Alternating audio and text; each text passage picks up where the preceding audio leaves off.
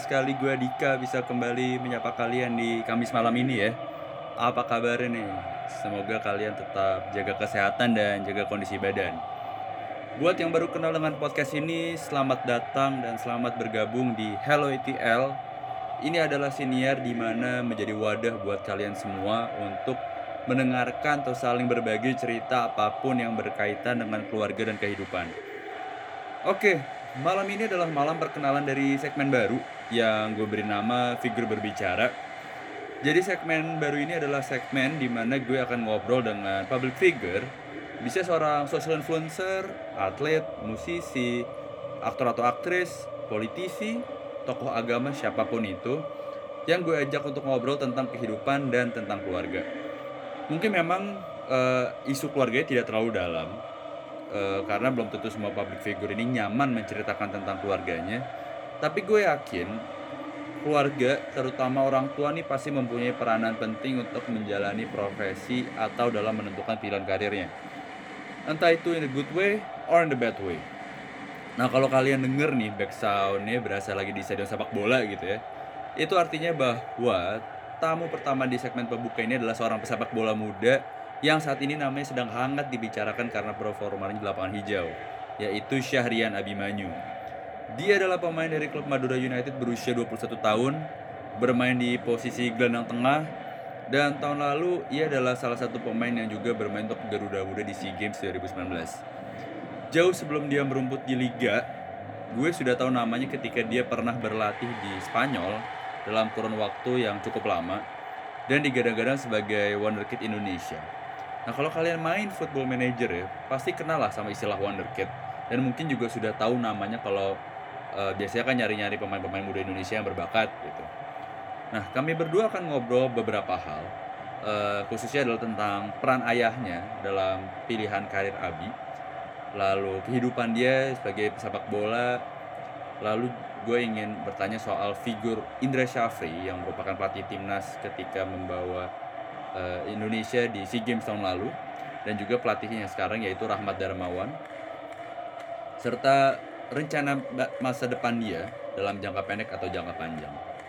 Nah, buat kalian yang kira-kira pengen idolanya atau sosok yang kalian kagumi bisa kami ajak ngobrol di segmen ini, boleh request ke kami melalui email di atlanta.novel@gmail.com atau DM lewat Instagram ke @atl_id serta ke Twitter di @podcasthelloatl. Oke, kalau gitu udah pada siap. Selamat mendengarkan episode 20 di segmen Figur Berbicara.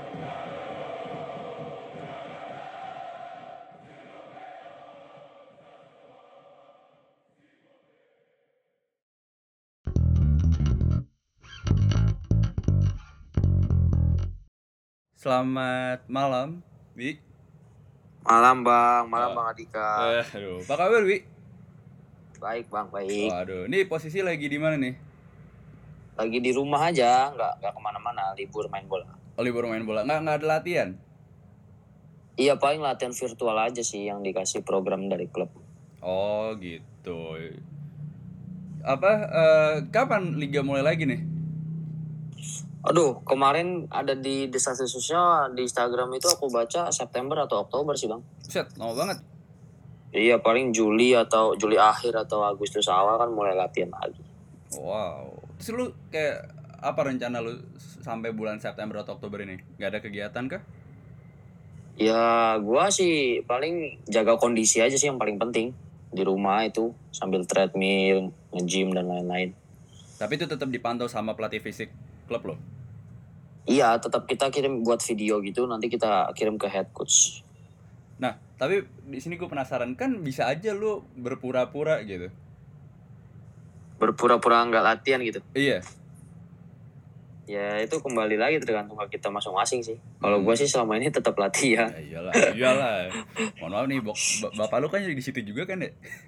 Nah makanya, Nah, sebagai pertanyaan pembuka, lu kalau di rumah lebih dekat sama bokap apa sama nyokap? eh bokap nyokap ini eh gua nggak tinggal satu rumah, sama gue jadi sama nyokap aja berdua. Kebetulan gue juga anak tunggal kan dari bokap sama nyokap. Lu anak tunggal ya? Iya gue anak tunggal. Ya ilah. Oh, sama ternyata nasibnya. Anak tunggal tuh.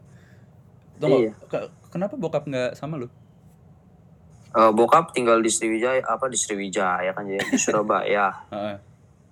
Oh, ya nyokap. ber ah, divorce lah udah berkeluarga oh, lagi oh gitu. gue punya adik gue punya adik juga dari itu dari ibu yang di situ Oh, ternyata ternyata keluarga lu juga cukup kompleks ya.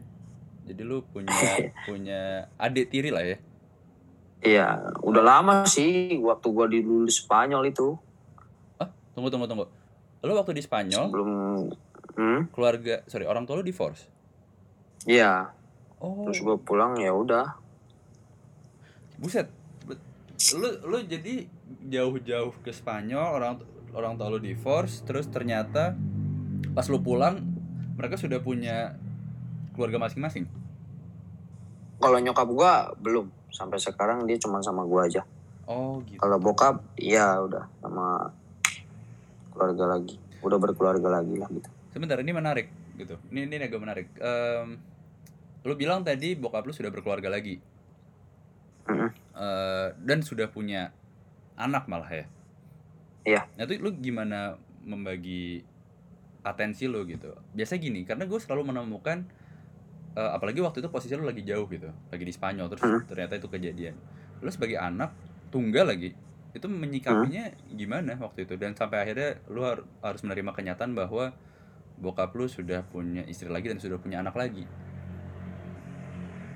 Eh, waktu dulu sih ya jujur namanya gue masih anak kecil ya belum Hmm. belum ngerti apa-apa ya agak sempet marah ada perasaan marah ada perasaan kecewa Hmm. tapi seiring jalannya waktu ya gue eh, menerima itu dengan baik menerima keluarga juga dengan baik dan jadi motivasi juga buat gue untuk ber- bermain bola juga kan untuk bisa ibaratnya apa membahagiain kedua orang tua gue juga walaupun gak Hmm. tinggal satu rumah tapi kan tetap sama nyokap gue gue tinggal bareng sama bokap gue sering satu klub gitu Hmm. jadi tetap komunikasi sih baik-baik aja sih Nah dengan kan tapi kan lu kan ke- di Madura kan, lu apakah Iya. lu sering balik ke rumah?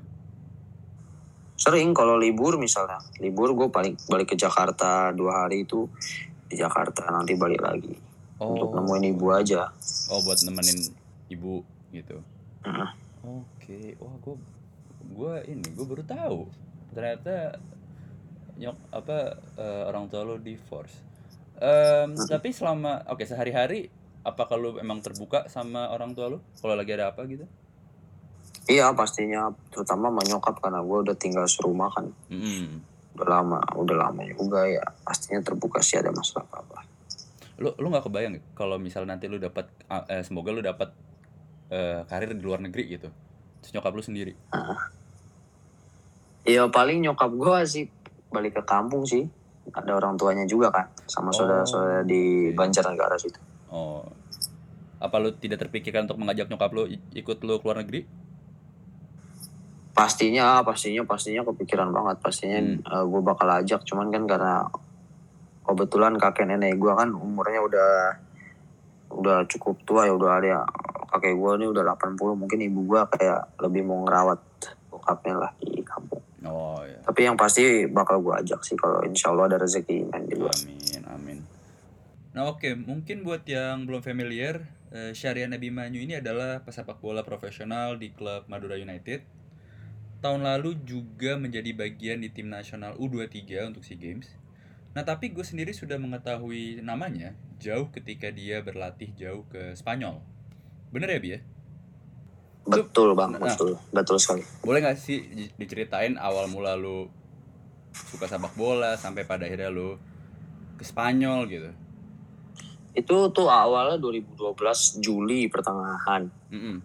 itu ada kebetulan temen bokap juga dia kayak agent atau pencari bakat gitu Oke. yang mau buat uh, akademi untuk pemain-pemain dari Indonesia. Oke.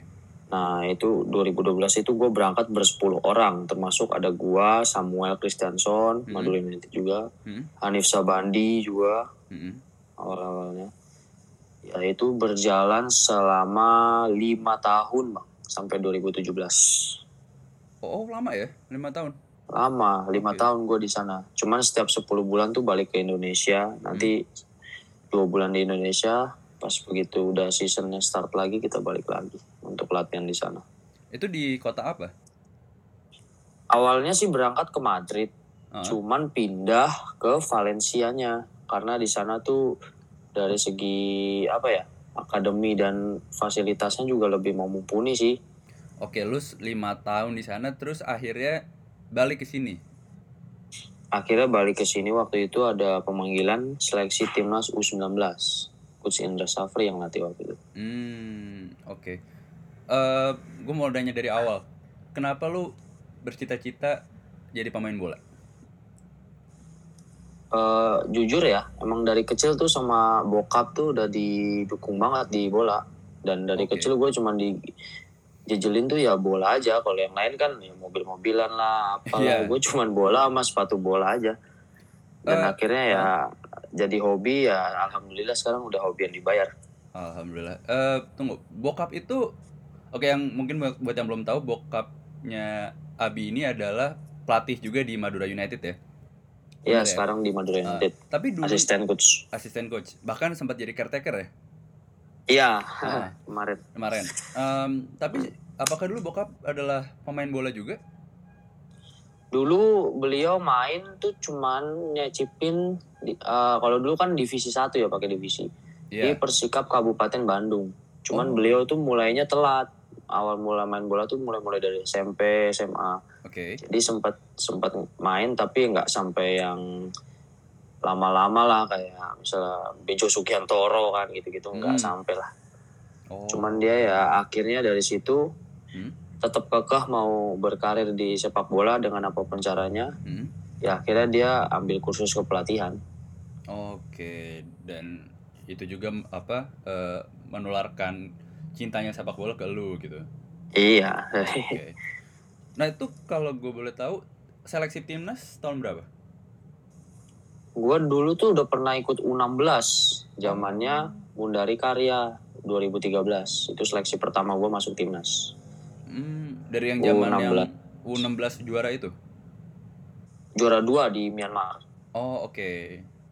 Terus akhir. U16 juara dua di Myanmar. Akhirnya gue balik lagi ke Spanyol. Hmm? Terus 2017 itu setelah gue balik ini ada Hmm? pemanggilan seleksi. Ya itu dari dari yang angkatan gue ini ada Samuel, ada gue yang dari Spanyol ini. Hmm. diajak untuk seleksi timnas. Ya alhamdulillah dari seleksi panjang kita bisa lolos tembus sampai Hmm. skuad utama 23 orang. Nah squad itu finalnya itu adalah di Sea Games kemarin ya. Bukan, Oh, kalau yang 2017 ini AFF dulu, AFF yang di Myanmar. Oh. Itu oke. zaman-zamannya Egi Maulana muncul gitu loh. Oh iya iya iya iya. Oh iya lu lu sangkatan sama Egi ya? Iya, gua gua seangkatan sama Egi. Oh iya iya lupa. Eh Ya gitu ya. nah ada Mhm. satu pertanyaan gue. Kenapa lu tidak memilih berkarir di Eropa? Jujur sebenarnya gue ya target gue sekarang ya untuk main di luar Indonesia. Heeh. Cuman emang karena waktu 2017 itu abis AFC ya, AFC itu Hmm? Ada penawaran dari Sriwijaya untuk gua dan Samuel. Oh, iya. Kebetulan kita kan satu agent juga kan. Betul. Jadi semacam dipaketin lah. Dan gua rasa sih untuk mencoba ber, apa ya, Hmm. mendapat menit di pengalaman di main Liga Senior itu kan cukup susah ya buat gua dulu umurnya 18 tahun. Iya benar. Nah, nah eh, target gua ya main di Indonesia ini sebagai batu loncatan lah. Yang Hmm. penting bisa dapat apa jam terbang main, Hmm. pengalaman main, ditonton supporter banyak. Itu kan yang susah juga. Mm-mm. Ya semoga aja ke depannya ada rezeki main di luar. Gak Ah. nggak penting sih di mana pun. Yang penting gue bisa main. Bener-bener, gue gue sangat mendukung pemain-pemain muda kayak lu tuh berkarir di luar deh. Kalau di Iya. Indonesia, mohon maaf nih suka nggak jelas kan, kayak gini liganya nggak jelas. Iya. Ah, Iya iya bener-bener. Tapi apakah sampai sekarang udah ada ada klub yang kontak sama lu untuk mendekati lu untuk menawarkan lu bergabung dengan tim mereka tapi dari luar Indonesia untuk musim depan? Eh, kemarin sih dapat bocoran ya dari bokap itu ada dari Thai- Thailand satu, Jepang juga satu, Hmm. Malaysia juga satu. Cuman masih karena pandemik kayak gini kan masih baru semacam kontak lewat ini aja, lewat digital aja. Oh oke. Sore itu karena semua- mereka pun Oh. butuh ngeliat gue main Oh iya benar. sementara liga liga kita kan di stop Oh mereka nggak menawarkan trial ya? belum kalau trial itu kalau misal kalau misalnya sekarang sih udah jarang-jarang sih kalau dilakuin sih ya soalnya kan gue udah punya klub bang kalau gue udah punya klub gak Iya. bisa itu yang namanya gue izin ke klub tuh buat trial Ya, lu udah kontrak Gitu. ya? Lupa. ada kontrak Iya. Jepangnya itu ini ya, eh, divisi atas. Jepangnya tuh di J2 sama J1 kalau nggak salah Oh J1. Oh lumayan dong, Wi. Wah, gue sangat Iya. mendukung lo am- ambil sih kalau Jepang. Kapan iya kalau misalnya masih dikasih kesempatan sih ya gue pasti ambil bang Iya ambil. Ya pokoknya gue doakan lah. Semua orang mendoakan kok, tenang aja. amin Amin. Oke, eh, sebelum gue ngomongin Abi di klub, gue mau membahas sedikit tentang timnas, tentang timnas eh, kemarin berpartisipasi di Sea Games, mendapatkan perak, eh, kalah sama Vietnam dua kali.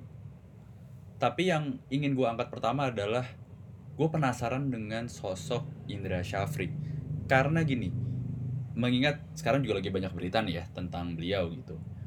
Cuman beliau kan sangat sinonimus sama sepak bola Indonesia beberapa tahun kebelakangan, kebangkitan pemain-pemain muda. Nah, lo adalah orang yang beruntung bisa kenal dekat dan diasuh dan dilatih oleh beliau. Gue pengen tahu sosok dia tuh seperti apa sih di mata lo? Kalau untuk di mata gue ya Coach Indra itu orangnya sangat disiplin pertama. Oke, terus?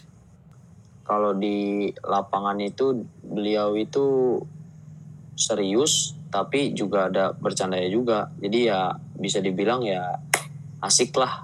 Cuman ya kadang kalau kita emang namanya manusia buat salah kan Hmm. ya beliau pasti tegur kita dengan dengan cara yang benar. Ingetin Dia pernah kasih hukuman ke pemain-pemainnya? hukuman ya hukuman-hukuman yang wajar aja sih nggak pernah yang di luar di luar batas bang ya emang karena kita yang buat salah dihukum lah misalnya untuk lari atau untuk apa gitu aja sih Banyak orang bilang dia itu seperti figur ayah, bener nggak? Eh mungkin kalau di U19 boleh dibilang begitu karena kita kan masih kecil-kecil lah 18 tahun lah Iya iya. masih di masih di masa-masa transisi gitu dulu ya tapi kalau semenjak di SEA Games ini kan U23 Benar. banyak kan pemain dari kita nih udah main di klub level senior Iya. ya beliau mulai menjadi ya bila boleh dibilang seperti teman baik atau kakak yang baik aja kalau orang tua mungkin dulu waktu zaman zaman di U19 karena kita kan belum pada punya kontrak di senior. Oh justru eh, lo melihat Indra Syafri ini seperti kakak abang lah, sih abang ya ketika Iya atau teman lah teman lah di Hmm, lapangan. Yang bisa diajak diskusi dan itu. Apa yang mem- membuat eh, Indra Syafri itu spesial di mata lo? Eh, dibanding mungkin dibanding pelatih-pelatih yang lain ya? Ya menurut gue salah satunya tadi yang udah gue sebutin di beliau itu sangat disiplin dan Disiplinnya itu. which is di Indo- di Indonesia itu kan pelatih ya ya boleh dibilang eh, masing-masing punya karakter ya Betul. sedangkan Coach Indra ini kan untuk menerapkan karakternya dengan filosofi Mm. passing game Oke terus? ya beliau tuh selalu menekankan itu kita tuh tidak boleh Hmm. Sedikit pun passing salah ataupun kontrol pun sedikit pun naik nah beliau itu selalu menegur ke kami kami pemain Hmm. misalnya ada yang passing melenceng passing naik atau kontrolnya naik tidak bagus padahal yang hal-hal sekecil itu Hmm? yang gua pribadi lihat nih di Indonesia tuh Hmm. jarang banget yang merhatiin sampai sedetil itu itu mungkin yang buat di- eh, Hmm. beliau itu eh, lebih spesial dari yang lain sih soalnya dia boleh Oke. memperhatikan hal detail-detail banget gitu sampai yang mendasar-mendasar pun dia perhatikan banget Eh, tapi lu pernah nggak misal gini dalam satu pertandingan timnas, oke timnas menang gitu, terus Hmm. tapi ada Hmm, satu pem- satu dua tiga pemain tidak menjalankan instruksinya dengan benar gitu. Dia meskipun menang, apakah dia akan tetap menegur pemain itu nggak? Eh, iya walaupun menang walaupun kita buat salah pasti setelah main kita dikasih tahu Oke. kenapa kenapa kenapa tadi gini terus ditanya alasannya kenapa Ya, beliau sangat mem- memperhatikan banget sih dari kesalahan-kesalahan yang kita buat Oke. Berarti orangnya detail oriented ya. Indra iya walaupun menang walaupun kalah tetap beliau ada koreksi masing-masing individual Oke. Nah, eh, ketika SEA Games nih ya, ini kan lo bawa nama Indonesia ke kancah internasional. Dan targetnya kan emas. Ada nggak sih treatment khusus dari Indra Syafri untuk menenangkan pemain-pemainnya agar nggak gugup gitu menjelang pertandingan-pertandingan penyisihan, eh, semifinal, bahkan hingga final kemarin gitu. Eh, kalau spesial sih mungkin enggak ya karena gue udah di timnas tuh udah cukup lama juga sama beliau udah tiga tahunan mungkin dari 19 kan udah ada dua kali event sama dia Oke. dan udah sempat sering ketemu juga di timnas kan. Jadi ya mungkin menurut gua kalau untuk menghandle sama-sama aja sih caranya. Kayak yang seperti seperti dulu apa beliau jalankan ke kita. Hmm. Untuk handle ya biasa aja. Mungkin kita disuruh menjalanin ritual masing-masing sebelum pertandingan. Ada yang telepon orang tua ada yang Oh, ti- tidur siang terlebih dahulu ada yang macam-macam lah. Tergantung nyamannya kita masing-masing sih. Beliau sering bilang gitu. A- Apakah dia coach yang menerapkan jam malam?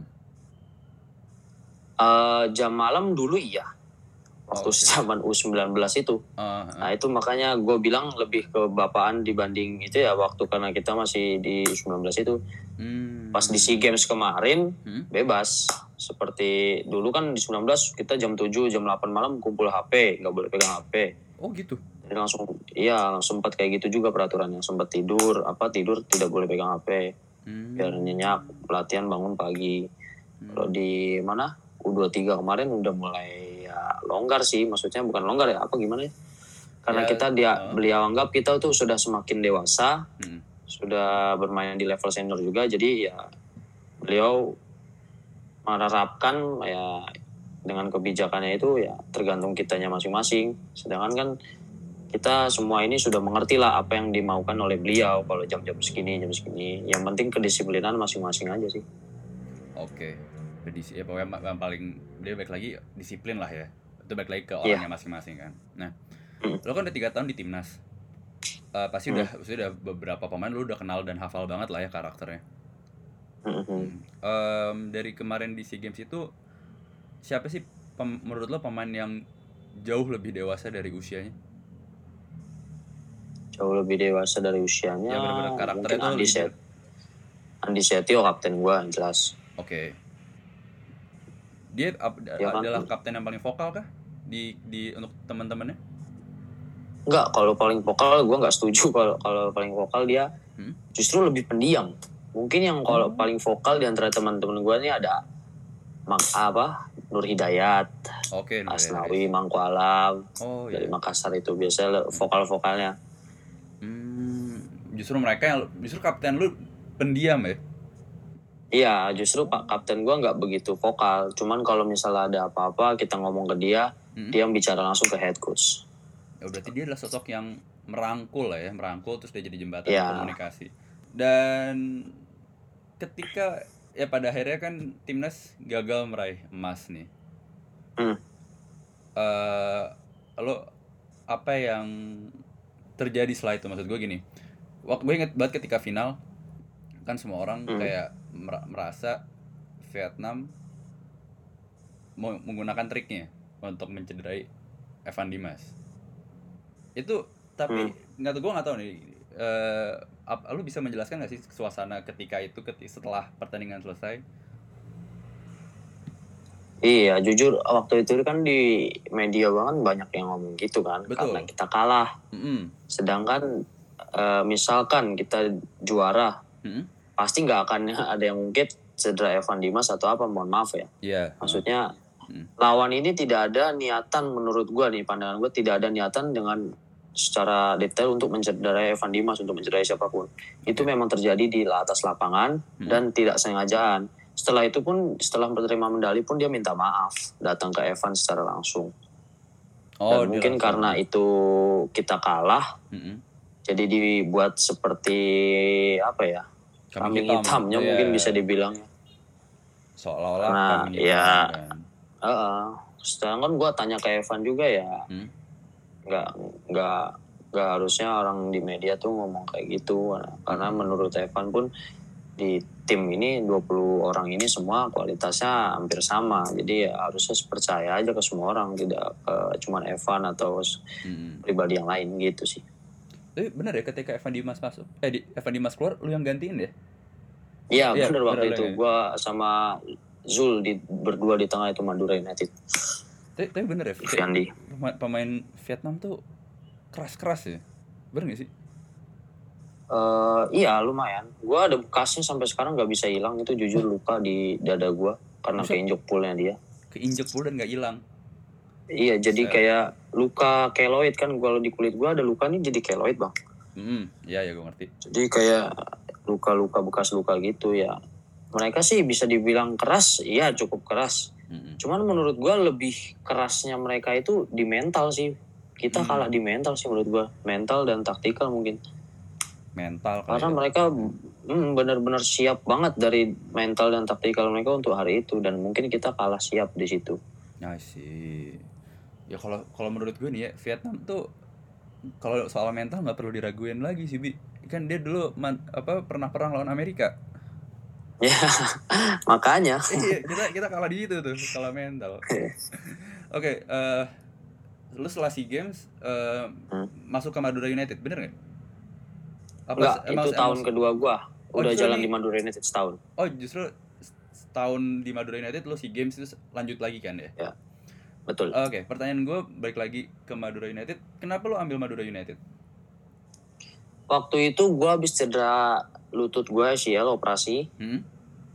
Itu kan gua finish kontrak di Sriwijaya. Kebetulan Oke. Sriwijayanya degradasi ke Liga 2. Ya, heeh. Nah setelah itu gua awal bulan itu gua nggak nggak ada klub dan ada beberapa klub selain Madura juga yang nggak perlu gue sebutin ada yang kontak. Hmm. Cuman eh, Pak Haruna Sumitro ini selaku manajernya nelfon saya langsung malam-malam Oke. ajak saya ke Madura dengan alasan begini begini dengan dan saya pun masih waktu itu jujur belum bisa ngapa-ngapain bang masih habis operasi itu. Tapi Oke. beliau beliau berhasil meng apa ya meyakinkan saya untuk kembali ke Madura dengan dengan nanti eh, bisa membalikan performa saya ke yang lebih baik lagi ya lebih baik eh, dari sebelumnya Jadi ketika lu masih dan sorry, ketika lu masih Mhm. pemulihan cedera, Pak Haruna Hmm. itu sudah mengajak lu ke sana untuk melihat klub. betul betul itu Wow. masih gua dua bulan tiga bulan setelah operasi itu Mm-mm. masih baru bisa jalan aja nggak bisa lari nggak bisa renang bola Hmm. dia udah telepon gua malam-malam Dan kapan lu pertama kali bergabung ke klub? Oh waktu itu kan ada Piala Indonesia ya masih zaman Piala Indonesia dulu Ya, heeh. gue dat gua datang ke Cilegon Madura Madura United kebetulan ketemu Cilegon nah dari situ pertama kali Hmm? setelah itu eh, lanjut ke Jogja itu dua bulan setelah kalau nggak salah di Jogja TSC Hmm. ya gue udah boleh gabung latihan dari situlah sampai Madura Tapi saat uh, Sampai tapi sorry gabung di gabung TS itu tapi lu sudah tanda tangan kontrak. Sudah sudah Oh, Oke, sudah. gue sudah dat gua sudah datang ke waktu itu Madura versus timnas U23 Hmm. yang Kusindra Safri juga kebetulan Hmm. gue ketemu gue datang ke Bangkalan akhirnya gue tanda tangan kontrak di situ dikenalin di semua di depan supporter ya gue kaget juga itu di situ dikenalin tiba-tiba disuruh maju pengenalan baru kali ini di Indonesia gue bilang kan maksudnya ada pertandingan persahabatan terus dikenalin pemain kaget juga gue ta- nah, bokap lu juga adalah seperti yang awal dibilang eh, bokapnya Abi adalah asisten pelatih di Madura United Mm, dan juga betul. kemarin pernah jadi caretaker. Eh, tapi sebelum sebelum lu bergabung dengan Madura United, bokap lu sudah di situ. sudah sudah eh, apakah bokap lu juga memberi apa termasuk orang yang berpengaruh untuk lu memutuskan ke Madura United? Eh, boleh dibilang seperti itu tapi ya dalam tanda kutip dulu tuh emang kan waktu zaman zaman AFF main di sidoarjo itu Pak Ya. Haruna kan datang ke sidoarjo untuk nonton langsung Mm-mm. pertandingan timnas U19 ya Hmm. beliau sudah mulai kontak-kontak dari situ Mm-mm. tapi kalau boleh dibilang bokap gua berpengaruh ya cukup lumayan karena pasti kan dia berbagi informasi di Madura gimana gimana Cuman Oke. kembali lagi untuk keputusan mensign gua kan eh, kembali kepada manajer ya dan Hmm. juga Pak Presiden. Oke oke. Nah kan nggak semua orang tahu tentang pemain-pemain bola di luar lapangan sepak bola gitu. Mereka hanya nonton, melihat performa, melihat hasil akhir gitu. Tapi lu bu- bisa nggak sih kasih gambaran sedikit tentang pemain-pemain Madura United di luar lapangan? Kayak gimana tuh Bi? Kalau di luar lapangan kita udah kayak keluarga banget sih, apalagi Hmm. kebanyakan juga orang Jawa kan. Oke. Ya ma- kita nyambung aja ngobrol kalau untuk dengan pemain asing tahun pertama gua di Madura dan tahun kedua itu nggak banyak perubahan masih banyak pemain asing yang di situ Hmm. masih ada Beto masih ada Jamerson Hmm. yang sisa kan kan empat tuh kuotanya yang Iya. dua itu ada apa bergabung dengan ini juga baik juga ya, udah nyatu lah ibaratnya Oh, tapi kan Beto kan udah lama di Indonesia kan? Iya kalau Beto udah warga negara Indonesia, juga Itu mah jatuhnya bukan pemain asing. iya sih benar apa nah maksudnya kan ada pemain-pemain asing yang baru kalau nggak salah kayak tuh ya let's say baru setahun kali di Indonesia eh hmm, ada ada ya ada. ada kan ya? Siapa namanya? Ah gue lupa. Oti Oti. Nah. Oti Banda. Itu bagaimana lo dan pemain-pemain Indonesia yang lain di situ membuat si Oti ini nyaman?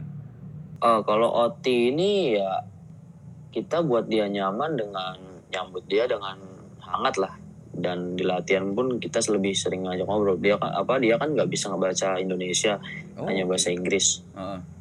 Karena baru tahun ini main di Indonesia kan. Ya udah kita komunikasi bercanda-bercanda seperti biasa ya. Akhirnya ya nggak butuh waktu lama untuk dia nyatu sama kita juga. Hmm. Eh sorry, di Madura United ada nggak sih kayak tradisi-tradisi em, antar pemain gitu? Eh tradisi apa ya? Paling biasanya kalau ulang tahun aja traktir. Oh traktir-traktiran gitu. Iya, iya paling itu aja sih. Kalau Hmm. pemain baru sih ya nggak ada nggak ada tradisi khusus lah. nggak ada nggak ada pemain baru di ospekin gitu nggak ada Nggak ada. kayak biasanya kan ada nih satu klub biasa pemain baru harus ngapain dulu gitu Seru nyanyi biasanya. iya kan oh nggak ada ya Madura United ya? Nggak ada sih di Madura nggak ada. oke nah em, ketika kemarin bokap lu menjadi eh say bokap lu sudah jadi pelatih lalu kemarin sempat jadi caretaker lo ada sih eh, rasa kekhawatiran bahwa banyak orang akan melabeli lu. Bahwa lu akan menjadi anak emas di Madura United. Jujur ya pasti ya gue di gimana ya walaupun gue menunjukkan yang terbaik di lapangan orang eh, at some point pasti menganggap gue sebagai anak oh ini karena anaknya dia bisa Hmm. main terus inti ya. Iya jujur pasti ada orang berpikiran seperti itu ya. Kembali lagi ke guanya sama bokap gua ini kan apa kerja sebagai profesional. Hmm. kita di atas lapangan tetap panggilannya coach sama Hmm. nggak ada kayak uh, pah atau apa tetap kita ke coach sama players gitu. Ah, kalau orang berpikiran itu sebenarnya ya sudah normal. Ya udah gue sekarang tugas gue nunjukin di lapangan kalau emang ke apa kalau emang gue tuh pantas untuk menjadi di starting elevennya Madura. Hmm. hmm, hmm. dan lu kembali ke diri masing-masing sih. Dan lu termasuk salah satu pemain utama lagi kan ya di apa sebagai gelandang gelandang sentral ya. Iya alhamdulillah lah dikasih kesempatan. Iya dan mes- plat lu udah ini ya kemarin udah udah main ya Madura United ya? Liga udah tiga kali. tiga kali kan? Nah. Hmm, eh Rahmat Darmawan ya coachnya ya? Hmm, hmm, betul. Eh boleh ceritain sedikit nggak sosok beliau seperti apa di mata lu beliau sosoknya asik. Eh, Sen- senior kan tuh pelatih senior lagi? Senior saya gak pernah marah Oh, sering oh. bercanda. Oh ya iya tetap tetap dia tuh orangnya humble banget. Oh. dulu kan pertama-pertama gue di Sriwijaya itu setahun kan setengah setengah musim beliau pelatih termasuk yang Hmm. mengorbitan gue juga ke di Sriwijaya oke. Untuk main di level senior. Oh, ya jadi- salah satu orang yang paling berpengaruh juga di hidup gue sih. Karena dia ngasih kesempatan gue di Sriwijaya dan akhirnya alhamdulillah bisa berkembang. Sering Hmm. ngasih kesempatan juga di Madura Mm-mm. sekarang. Oh jadi lu sudah mengenal eh, coach Rahmat Darmawan jauh pas masih di Sriwijaya ya sebenarnya? Iya sudah sudah. Sudah kenal dari Dan ketika lagi pandemi gini, intens nggak sih beliau menghubungi pemain-pemainnya? Tentu, tentu kita ada tugas khusus dari beliau ini Apa seminggu dua kali kirim video di WhatsApp tentang latihan kita atau seminggu tiga kali kita kirim. Oke, Eh, itu, itu Iya, ada, ada grupnya sendiri kan, pemain-pemain sama pelatih. Ada, ada pasti, ada pasti. Dan lu dapat drill khusus gitu sem- seminggu dua kali harus ngapain ganti-ganti gitu. Iya, semua semua pemain dapat yang penting kirim video lagi latihan, mau dalam bentuk gym, mau dalam lari apa yang penting kirim video ke beliau.